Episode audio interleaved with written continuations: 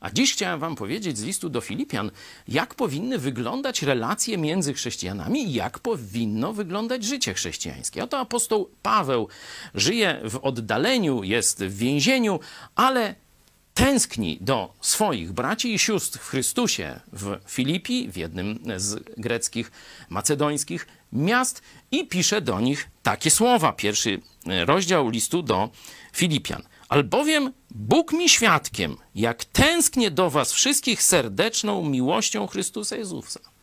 Zobaczcie, jak on tęskni do spotkania z tymi ludźmi.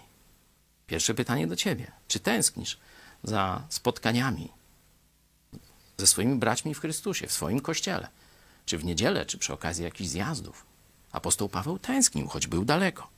I dalej modli się. I oto modlę się, aby miłość wasza coraz bardziej obfitowała w poznanie i wszelkie doznanie, abyście, i tu jest cel, abyście umieli odróżnić to, co słuszne, od tego, co niesłuszne. On głosił im Ewangelię, on się o nich troszczy.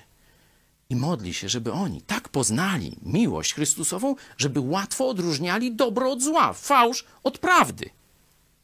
Abyście byli czyści i bez nagany na dzień Chrystusowi aby kiedy widzą grzech, odrzucali go szybko ze swojego życia, nie trwali, nie ciaptali się w nim, nie usprawiedliwiali się.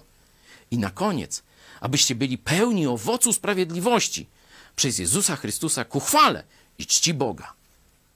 Chcę, żeby ich służba naprawdę odniosła sukces, była pełna owocu dla Jezusa Chrystusa. Czy ty tęsknisz za innymi chrześcijanami?